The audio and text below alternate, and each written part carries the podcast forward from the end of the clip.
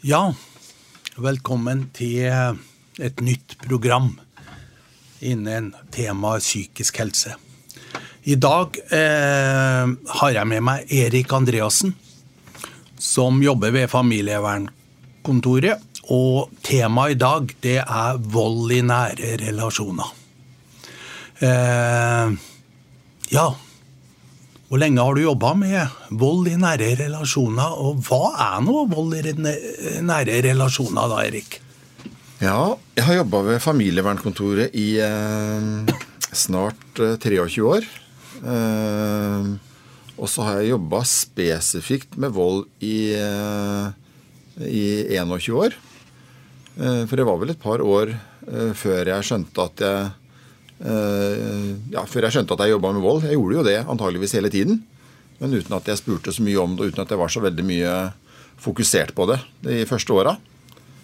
Men fra 2002 så begynte vi å jobbe spesifikt med, med familievold og ha egne spesialiserte tilbud til eh, voldsutøvere. da. Og etter hvert også de som har vært utsatt for, eh, for volden. Mm. Ja, Og hva vold er, ja. Det Hva er vold i nære relasjoner, ja? Ja, Vi, vi bruker jo og forholder oss til eh, Per Isdals definisjon av vold. da.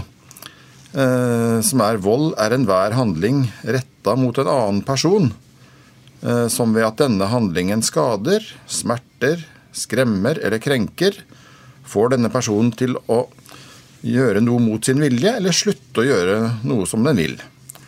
Så det er en ganske vid voldsdefinisjon, da. Ja.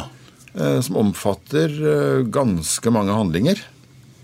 Og den samme, samme Per Risdal pleier å dele opp volden i, i fem hovedgrupper av vold. Eh, fysisk vold, som er all fysisk bruk av Eller maktbruk. Slag, spark, kloring, klyping, eh, dytting, lugging Ja, hva du kan tenke deg. Eh, psykisk vold er nummer to, som da kan være truende atferd.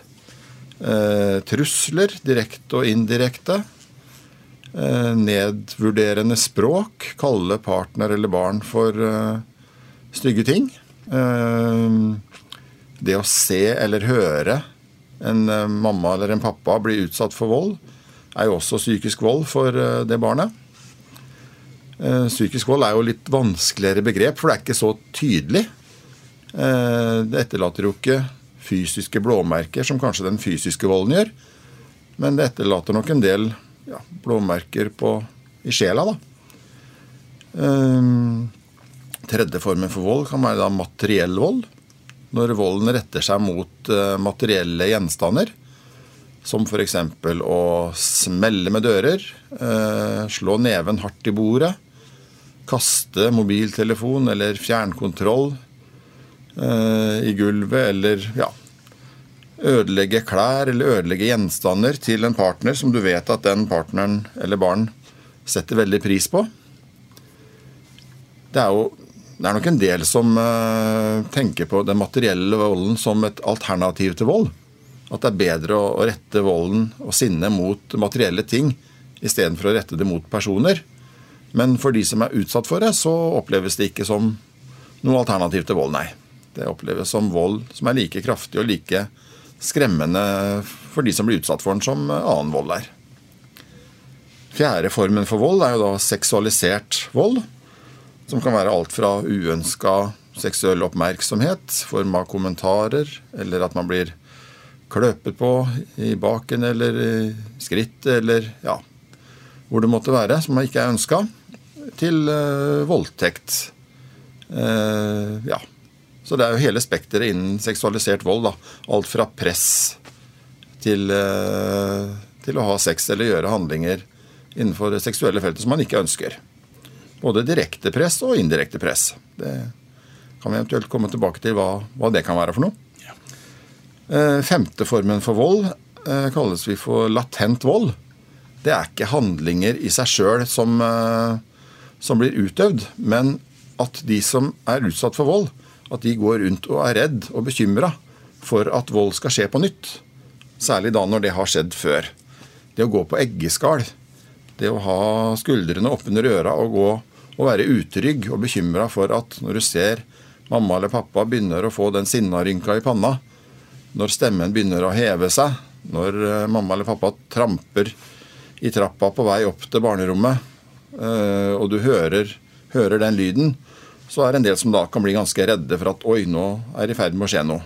Da kan man bli ganske ufri og ikke tørre å si, ikke tørre å gjøre det man vil, av frykt for at, eh, at, det skal skje vold på nytt.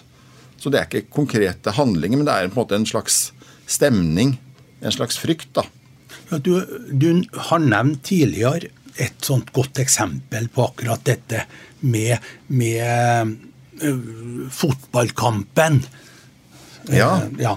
Kan du fortelle litt mer om den? Ja, det var et par som, uh, som vi møtte i, til samtale på familievernkontoret. Jeg hadde møtt dem ganske lenge. Og den mannen i det paret hadde vært, hadde vært i den sinnemestringsgruppa som vi på familievernkontoret har. Og han hadde fått hjelp, så han hadde slutta å bruke vold. Uh, og dette her, denne samtalen som fant sted, var en to-tre år etter, uh, etter at uh, volden hadde stoppa den fysiske volden. Da. Det var ganske mye fysisk vold i det parforholdet. så satt han og så på en fotballkamp. kona satt i stolen ved siden av og strikka. og han åpna seg en øl til første omgangen. Og så litt utover så åpna han seg en øl til. Og da kjente hun, kona fortalte hun da, at hun begynte å begynte å bli litt engstelig. For mye av volden som hadde skjedd tidligere, hadde skjedd i alkoholpåvirka tilstand. Så når øh, første omgang begynte å ebbe mot slutten, så begynte mannen å bli litt sånn motorisk urolig. Han satt litt urolig i stolen sin. Og hun kjente at hun ble tiltagende, tiltagende redd og lurte på hva, hva skjer nå. Og plutselig, idet dommeren blåser til pause, så skvetter mannen fort opp. Reiser seg fort opp. Og hvor hun da skvetter like mye og beskytter ansiktet sitt. Og hvor han spør hva i all verden, hva var det som skjedde nå? Nei, jeg trodde du skulle slå meg, sier kona. Ja, Men hvorfor i all verden skulle jeg slå deg? Nei, jeg vet ikke. Det bare, det bare minna om sånn som det var før. Og Det tenker jeg er et godt eksempel på den latente volden. Flere år etterpå, selv om volden var eh, avslutta, og det i og for seg hadde det ganske trygt, eh, så ble hun livredd fordi han gjorde en bevegelse og gjorde noen ting som minna om gamle dager hvor det var mye fysisk vold. Mm. Men er det sånn at som en del uh, har nevnt også Er nå alt vold nå, da? Uh, ja. kan, jeg ikke, kan, jeg ikke, på en måte forholde meg i hele tatt? Ja, det er jo ganske mye som er vold etter den definisjonen til Per Isdal. da. Og, og, jeg tenker vel at det er ikke nødvendigvis den som utøver volden, som er den som har rett til å definere hva som oppleves som vold, det er jo den som er utsatt for det. Eh, og når en, eh, når en, mamma da er frustrert over et barn som ikke vil legge seg, ikke vil høre etter, ikke vil gå og pusse tenna, og hun begynner å si fra at nå, nå begynner jeg å bli irritert, nå begynner jeg å bli sint, nå må du gå og legge deg. Ellers eh, Ja, du vet hva som har skjedd før. Av en indirekte, indirekte trussel.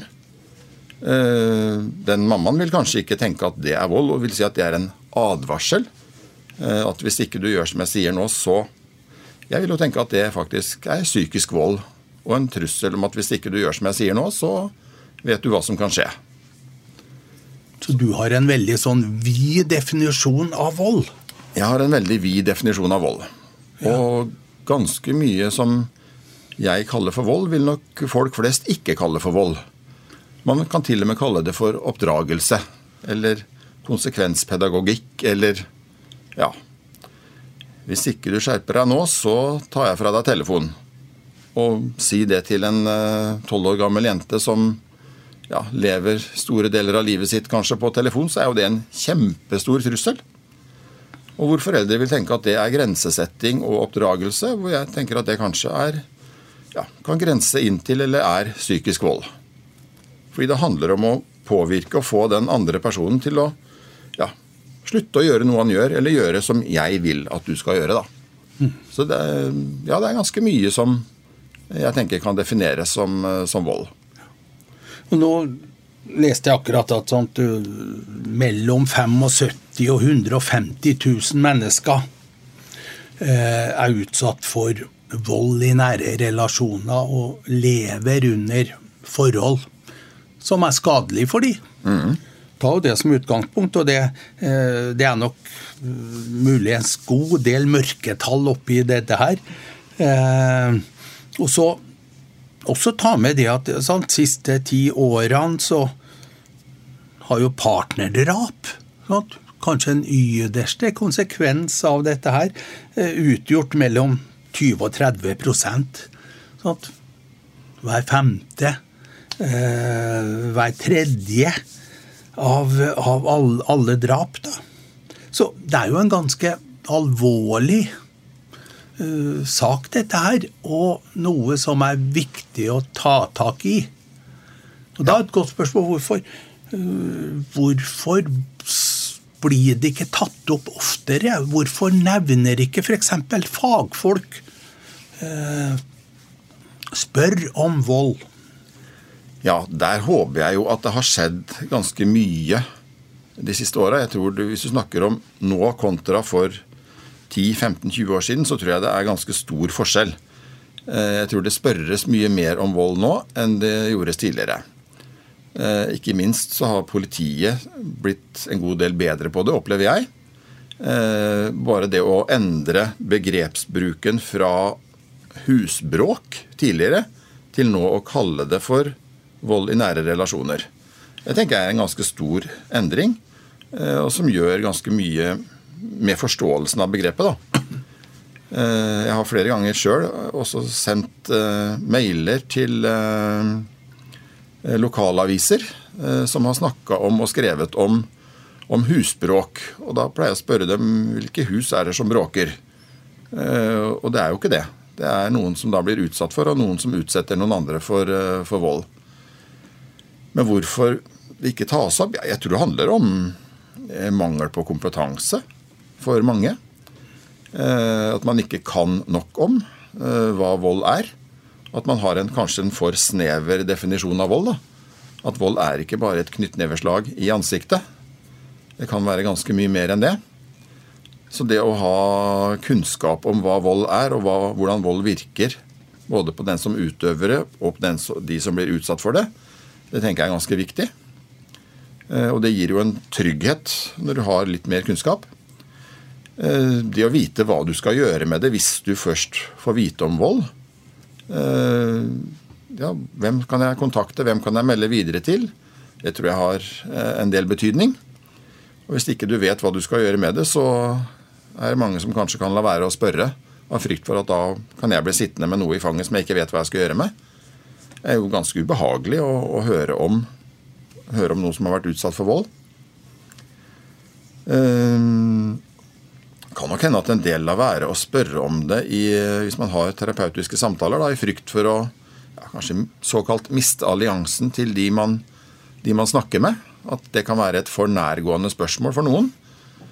Man kan godt spørre om eh, ja, eh, rusvaner og røyk og andre ting, men det kan være litt vanskeligere å spørre om og vold, kanskje. At man tenker at man beveger seg inn i en privatsfære som man ikke skal. Jeg tenker jo at vold ikke er et privat anliggende i det hele tatt. Det er jo et offentlig anliggende. Det er straffbart. Jeg tenkte vi skulle brekke av noe med en, en, et godt musikkstykke, om man kan si det sånn, som illustrerer noe av eh, barns, familiers opplevelse av eh, å leve i og prøve å komme seg ut av et voldelig forhold. Mm. Det er Tommy Tokyo. Eh, dessverre han død nå. Eh, vi brukte jo han veldig ofte da vi hadde disse, disse Aldri mer Kristoffer på Litteraturhuset. Mm. Eh, og jeg er jo like fascinert fremdeles av Hilsen alle dem du svek. Ja, det var Tommy Tokyo som sier noe om hvordan, hvordan man eh, kan komme opp i situasjonen. Snakke om paragraf 6. Vi kunne kanskje komme tilbake til sånne ting etterpå. Men eh, jeg er litt opptatt av at vold i nære relasjoner, det, det handler jo om hele livssyklusen. Vold i svangerskapet. Stor del, eller mange, opplever vold i svangerskapet. Du har kjærestevold når man kommer opp i ungdomsalderen, og, og så vold i parforholdet når man på en måte inngår i parforhold. Og selvfølgelig vold mot barn. Det kunne vi hatt et eget program om. Eh, og vold mot eldre. Vold mot eldre fra partneren i eh, alderdommen òg. Og vold mot eldre fra barn.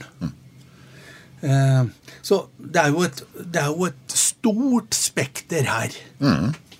Men jeg tenker Hva tenker du er det aller viktigste når vi på en måte opplever at uh, vi får høre om voldsopplevelser eller familier, parforhold, ungdom òg, mm. som opplever å være i voldelige forhold? Det var et svært spørsmål. Ja, ja, ja. uh, nei, jeg tenker, det, det, aller aller viktigste handler jo tenker jeg, primært om å få stoppa volden. Først og fremst stoppe volden. Uh, og det er det jo primært bare da voldsutøver som kan, kan gjøre. Uh, det finnes jo diverse beskyttelsestiltak for de som er voldsutsatte, i form av besøksforbud og voldsalarm og som du sier, hemmelig adresse og endre identitet og alle de tinga der. Eh, men først og fremst så tenker jeg det handler om å stoppe volden. Eh, og så, etter hvert, så handler det da om å, for de som har vært utsatt for volden, å få bearbeida det. Eh, og få hjelp til å fortelle om, sette ord på, forstå de reaksjonene man sjøl får i en kontekst av at ja, du har vært utsatt for vold. For det er ikke alle som tenker det om seg sjøl. Eh, særlig ikke hvis det er eh, andre former for vold enn fysisk vold. Da. Eh, og så tenker jeg også om den som, er, den som har utøvd volden. Den trenger jo også trenger jo hjelp til å få stoppa det og få endra på den måten å ja, kalle det kommunisere på. da. og trenger også hjelp til å bearbeide hva jeg har gjort mot noen andre som jeg er veldig, veldig glad i. For det er jo det det handler om i forhold til den vold i nære relasjoner. Så er det jo vold som retter seg mot eh, kanskje de menneskene i livet som du er aller, aller mest glad i. Det være seg partner og eller barn, eller eventuelt foreldre eller søsken. Um, for det er jo den delen, av, den delen av volden som vi ved familievernkontoret uh, befatter oss med. da. Uh, den som er vold på byen, det, det er ikke de vi de vi møter. Vi møter der hvor det er volden har skjedd og spilt seg ut i, i familien. Og hvor eh, voldsutøver har eh, partner, ekspartner, enten bor sammen med barn eller har samvær med barn. Det er jo de vi primært eh, møter. Den såkalte blinde volden, som i og for seg vi vel ikke tror er blind, men eh, den volden som skjer på byen, eh, det er ikke det vi befatter oss med. Det, det er mer for politiet og, og rettsvesenet å forholde seg til. Ja, Hva tenker du om det? At det forholder vi oss ikke til. Eh, F.eks. sånn 15-16-17-åringer som, som eh, utøver vold. Ja.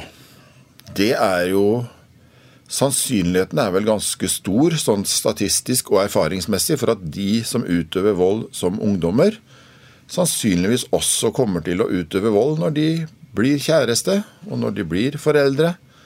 Eh, så hvis det hadde vært mulig å ja, Vi prøvde jo i en periode å opprette samtalegrupper for unge voldsutøvere. Eh, så er det jo et kapasitetsspørsmål, det, da.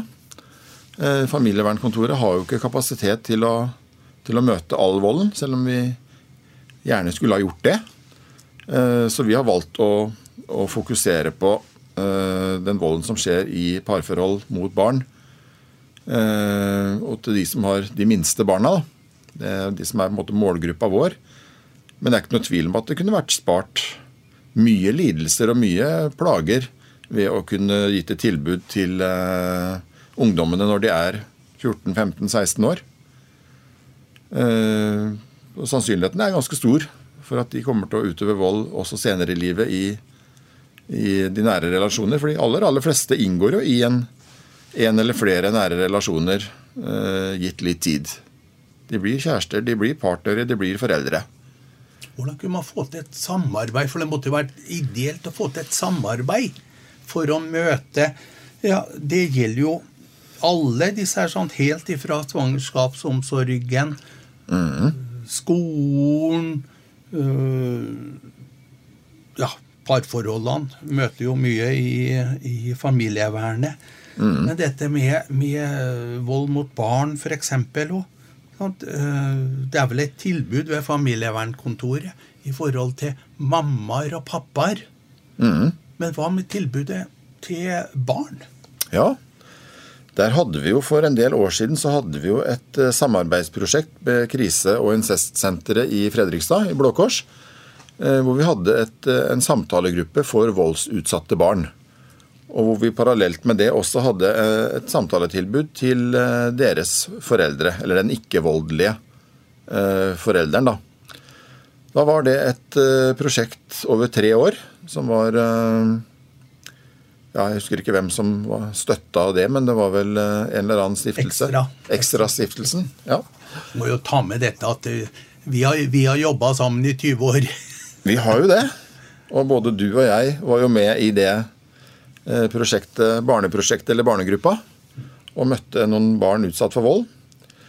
Dessverre så var det eh, Ja, det varte jo det i den perioden hvor eh, støtten fra Extra-stiftelsen varte, da, i de tre åra. Det førte jo til at vi samarbeida etter hvert nærere med krisesenteret, sånn at vi hadde mange samtaler utover prosjektet sammen med krisesenteret. Og vi har ut, utarbeida en del gode, gode, samarbeidsrutiner med krisesenteret på den tiden. Men så er jo det dessverre ferskvare, og det handler om personer. Og når noen personer da slutter, så skjer det fort noe med samarbeidet. Eh, vi har jo også hatt ved familievernkontoret eh, samtalegrupper for voldsutsatte kvinner. Eh, det valgte vi også å legge ned når vi etablerte en ny samtalegruppe for voldsutøvende kvinner. For det har noe med ja, hva slags kapasitet familievernkontoret har da, til å drive med voldsarbeid. Vi skal jo drive med mye annet òg. Eh, og så vet vi jo at krisesentrene rundt om i Østfold er, eh, er, gode på å ivareta de som er voldsutsatte. Både menn, kvinner og, og barn. Så de har jo samtalegrupper eh, sånn at det blir ivaretatt av andre etater enn oss. da. Og etter hvert som åra har gått siden vi begynte i 2002 eh, med sinnemestringsgrupper, eller voldsgrupper, så har jo flere og flere kommuner i Østfold også etablert egne tilbud til voldsutøvere. Eh, I mange år så var det bare vi som hadde det tilbudet, men nå er det heldigvis flere kommuner som har etablert tilsvarende grupper. da. Og det viser seg at det gjør ikke noe særlig med med søkertallene til gruppene våre. For det er tydeligvis mer enn nok, mer enn nok å ta av. Det er nok vold til alle. Litt sånn flåsete sagt. Ja.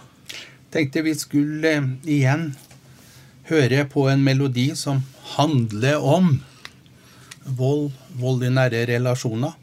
Luka.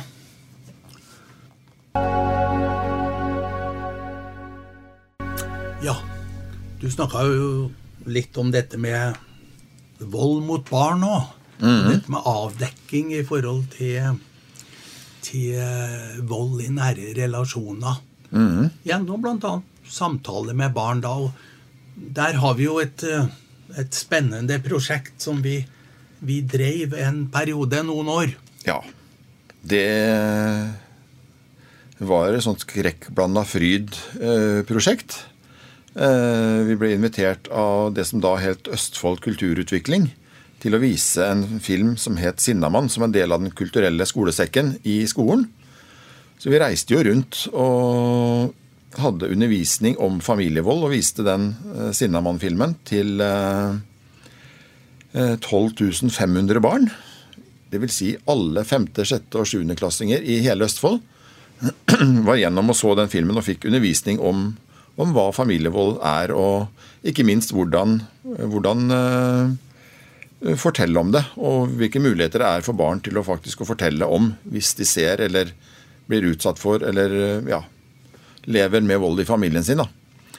Uh, og vi erfarte jo gjennom, gjennom den turneen vi hadde, at uh, mellom 450 og 500 barn den samme dagen som den filmen ble vist, kom og fortalte og snakka om, sammen med en av oss da, og helsesykepleier ved de ulike skolene, om enten pågående eller tidligere vold. Så det var jo et fantastisk ja, avdekkende tiltak. Selv om det primært ikke var ment som det fra Den kulturelle skolesekkens del, men det, det viste seg jo at det var utrolig effektivt til å avdekke ganske mye vold. Eh, men det var jo en, ja, var jo en tøff tid å, å, høre om fra barna så tydelig den volden som de levde med. Og, og det å kjøre fra skolen etterkant og ha snakka med en del barn uten å vite om hva skjer videre nå med de barna som har fortalt. Jeg har jo lyst til å kanskje få til et program hvor vi bare snakker om barn og barns psykiske helse. Eh, ikke bare i forhold til vold, men eh, man ser jo nå også at det er veldig oppblomstring av barn som sliter med å gå på skolen. Mm. Eh, og noe med hvorfor skjer nå det, og sånn. Ja. Samtidig som at jeg kunne tenkt meg også å ha et program seinere omkring dette med vold mot eldre.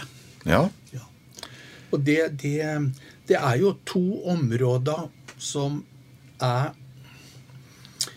Ja, det, det kunne ha vært snakka ganske mye om. Ja. Og det kunne ha vært gjort ganske mye i ja. forhold til dette, dette Sinna mann-prosjektet. Så, så, ble jeg jo sittende igjen, og jeg var jo så heldig å få lov til å bli invitert ut til å snakke om det også, dette med barn som angivere. Mm. og sånt. Det med å si til barn at eh, vi er åpne for å kunne hjelpe deg. Fortell det til oss, så skal du få det bedre. Mm. Og så viste det seg vel at eh, sånn ble det ikke alltid. Nei. Noen barn opplevde jo at volden stoppa som følge av at det her ble snakka om og åpent og at det kanskje ble sendt en bekymringsmelding til barnevernet, og det ble tatt tak i. Og for andre så kan det godt hende at det kanskje ble verre enn noensinne. Men det vet vi jo ikke. Vi vet ikke hvordan det gikk. Og det var et kraftig dilemma tenker jeg, når vi reiste rundt og åpna opp for at barn skulle fortelle om volden. At ikke vi visste hvordan det ble ivaretatt. Og så Du snakker om eh, vold mot barn og barn som målgruppe. Vold mot eldre. Eh, familievernkontoret har jo en, eh, en begrensa målgruppe som vi, som vi, møter. Eh, og vi har jo i mange år, nesten like mange år som vi har jobba med, med, vold, så har vi jo også jobba litt direkte og indirekte for å prøve å opprette et alternativ til vold-kontor i Østfold. Det har vi så langt ikke lykkes med.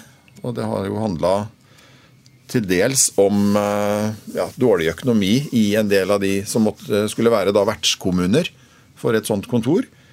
Eh, men jeg tror at etablering av et sånt kontor ville kunne møtt vesentlig større målgrupper og kunne hjelpa flere familier til å få stopp på volden. Så det er jo en liten bønn til Østfold kommune, da, om at de kan klare å hoste fram noen penger i budsjettene sine og ta kontakt med Alternativ til vold. For Alternativ til vold sitter jo og venter egentlig på at noen Østfold-kommuner tar kontakt. Eh, Fredrikstad kommune har det jo som en del av sin handlingsplan mot vold i nære relasjoner. Så de, står det at de skal ta kontakt med Alternativ til vold med tanke på å etablere et kontor eh, i Fredrikstad. Så det er jo bare å håpe at det, at det følges opp. At det ikke bare blir en, eh, en plan, handlingsplan som legges i skuffen, men at det faktisk skjer noe. Jeg har vært og snakka med dem på telefonen og etterspurt det noen ganger. Det har ikke skjedd noe ennå, så vidt jeg vet. Ikke sist jeg snakka med Per Isdal fra Alternativ til vold. Det var i november 2022. Da hadde han fortsatt ikke hørt noe fra Fredrikstad kommune. Ja. Jeg tenkte dette siste delen, og så tenkte jeg vi skulle dreie litt inn imot familievernkontoret og det konkrete arbeidet, spesielt i forhold til vold i nære relasjoner. Så tenker jeg uh, dette med familievernkontoret eh, og ønsket vårt er jo på en måte at vi skal få familiene til å fungere godt. Til å kunne bli glad i hverandre og få få vist hvor, hvor glad man er i hverandre. Så jeg tenkte få med Åge Aleksandersen 'Så glad i deg'. Eller 'Så glad i deg', heter det jo. Ja, jeg tenkte Hvis jeg nå sliter med sinne, hvordan, hvordan skal jeg gå fram for å kunne få et tilbud gjennom familievernet? Ja, vi er jo en ganske sånn enkel og ubyråkratisk eh, virksomhet å komme i kontakt med. da. Vi krever ingen henvisning fra noen. Det, hvis folk sliter med sinnet sitt, så er det egentlig bare å ta en telefon til familievernkontoret og si akkurat det. Eh, eller man kan sende en mail, eller man kan melde seg på. Vi annonserer jo de sinnemestringskursene vi har, de annonserer vi jo fortløpende på, på nett. Og da er det en del som melder seg på Eh, på den måten. Alle som skal være med i eh, en sinnemestringsgruppe eller en gruppe for voldsutøvere, eh, må gjennom et kartleggingsforløp på minimum to kartleggingssamtaler. Den første er individuell. Da snakker vi med den som på en måte sjøl sliter med sinne, og ja, spør, kartlegger hvordan, hvordan volden faktisk ser ut. Hva er det du gjør, hva er det du sier? når du blir sint? Hvordan ser det ut? Hvem går det utover? Eh, sånn rent veldig Eller ganske konkret, da. Eh, og så blir det å spørre om hva slags Hvor er du sånn i forhold til motivasjon? Hvor mye kan du prioritere å være med på et eh, sinnemestringskurs, gruppe? Uh, den går jo over 15 ganger av to timer. Eh, så det griper jo ofte inn i arbeidshverdagen til folk. da. Det er jo fra klokka to til klokka fire de gruppene går. Eh, så folk må kunne forplikte seg til å være med hver gang. Eh, og så må du også ha en, et reelt ønske om å få til en endring i hvordan sinnet spiller seg ut i form av, av vold i, i familien. da. Eh, og da faktisk ha en erkjennelse at det jeg holder på med, det er et problem for meg, og det er et problem for de rundt meg. Og jeg har et reelt ønske om å endre på det. For av og til er det vel andre som tar initiativet til å eh, anbefale at du melder deg på et sinnemestringskurs, til tross for at jeg, jeg syns ikke på en måte at jeg har et problem. Ja, noen ganger er det en partner som kommer med en ganske sånn spiss finger i ryggen og sier at hvis ikke du tar kontakt og får hjelp med sinnet ditt nå, så kan ikke jeg leve sammen med deg lenger. Da må jeg gå fra deg, og da tar jeg med meg barna. Eh, så noen ganger så er det det som er motivasjonen. Noen ganger har barnevernet blitt kobla inn, og at det er barnevernet som anbefaler noen å øh, være med på et sinnemestringskurs.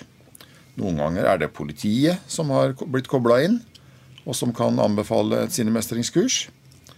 Eh, men det fordrer jo først og fremst en, en motivasjon og et ønske fra den personen sjøl til å kunne få til en endring. Men noen ganger så er det jo en litt ytre motivasjon først. Og så kan man gjennom både kartleggingssamtaler og gjennom å være med i gruppe, at den motivasjonen ja, endrer seg fra å være ytrestyrt til å bli mer indrestyrt. At de faktisk sjøl ser at de har et problem ganske mange som starter eh, første kartleggingssamtale med å fortelle at ja, jo, jeg sliter jo litt med, med, å regulere meg, jeg sliter jo litt med sinne, men jeg har aldri brukt vold, altså. Jeg har aldri brukt vold. Og så, ja, problematiserer vi ikke det så veldig mye, akkurat den uttalelsen der, helt å begynne med. Men vi spør mer ok, hvordan ser det ut eh, når du er sint? Hva er det du sier? Hva er det du gjør? Uh, kan komme med noen sånne eksempler på ja, kan hende at du gjør sånn, kan hende at du gjør sånn. Uh, og da forteller jo folk, fordi de ikke sjøl har tenkt at det handler om vold. da. De kan fortelle om ganske mye materiell vold. Mye telefoner og fjernkontroller som har gått i veggen. Mange dører som smelles med. Hvelve stoler, slå handa i bordet så glass og kopper skvetter. Uh, og så sier jeg at ja, men det kaller jo jeg for materiell vold. Og da går det jo opp et lys for noen at uh, ok, så da har jeg kanskje vært voldelig, da, men jeg har ikke tenkt på det sånn. Det er kanskje en sånn vanlig, vanlig uttalelse i, i, en kartleggingssamtale at jeg har aldri tenkt på det sånn før. Uh, og så kan det hende at de går hjem og spør partneren at ja, når jeg er sint på den måten at jeg slår i bordet, hender det at du blir redd da? Så er det jo ikke helt uvanlig at da kan Ja, jeg har faktisk vært veldig, veldig redd. Og det har ikke jeg skjønt. Så den, den kartleggingsprosessen er ganske viktig. Eh, hvor folk kan få noen eh, aha-opplevelser. Ja, og dette med papparollen og mammarollen. Ja. Eh, det er vel litt erfaring på at når vi kommer inn på det, Ja. så eh, Da smelter det litt. Ja. For det, det vi erfarer jo, det er jo de som kommer til oss, de har jo ikke noe ønske om å være slemme, fæle, skade, skremme, krenke familien sin. Men de er fortvila og ja, har kanskje ikke andre verktøy til å uttrykke følelser enn gjennom sinne og gjennom vold. da. De som på en måte er ja, det som kalles for såkalt patriarkalsk vold. At det er noen som skal styre og bestemme og kontrollere alt som skjer i familien sin de kommer jo ikke til familievernet. Eh, de tar jo ikke kontakt, for de opplever jo ikke at de har noe problem. Det er deres familier som har problem med det. Eller matriarkalsk vold da. Eller matriarkalsk vold. Takk for det. det. Det, kan like gjerne være eh, mor som utsetter barn og partner for vold, som far. Eh, de vi møter, er jo der hvor det er den som kalles for episodisk partnervold. Da. Der hvor det skjer en opptrapping over kort eller lang tid som utspiller seg og da ender i en eller annen eh, sinnesutbrudd, en eller annen voldshandling. Eh, og hvor de er fortvila over det og har dårlig samvittighet for det etterpå. Angrer på det og lover kanskje at det aldri skal skje igjen, eh, men at det allikevel fortsetter. Så det er jo de vi møter. Er det noen som ikke får være med noen ekskluderingskriterier? Ja, vi har jo noen ekskluderingskriterier. Vi ønsker jo i og for seg å være ganske åpne. Men hvis ikke du snakker godt nok norsk, hvis ikke du forstår godt nok norsk, så er det et ekskluderingskriterium. Vi har prøvd noen ganger å ha med noen som ikke snakker godt nok norsk. Vi har til og med prøvd å snakke engelsk i gruppa. Fungerte ganske dårlig. Så språk er et ekskluderingskriterium. Uh, ja, alvorlig psykisk lidelse som på en måte spiller seg ut på en måte som gjør at man ikke kan klare å møte opp hver gang, kanskje. Eh, eller ikke har innsikt i egen eh, sykdomshistorie. Eh, det er også et ekskluderingskriterium.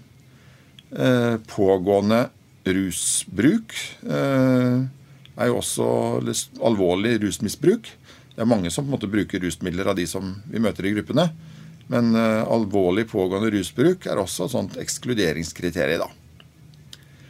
Og alle som skal få et tilbud gruppene i familievernet, må jo uh, enten bo sammen med eller ha samvær med egne barn.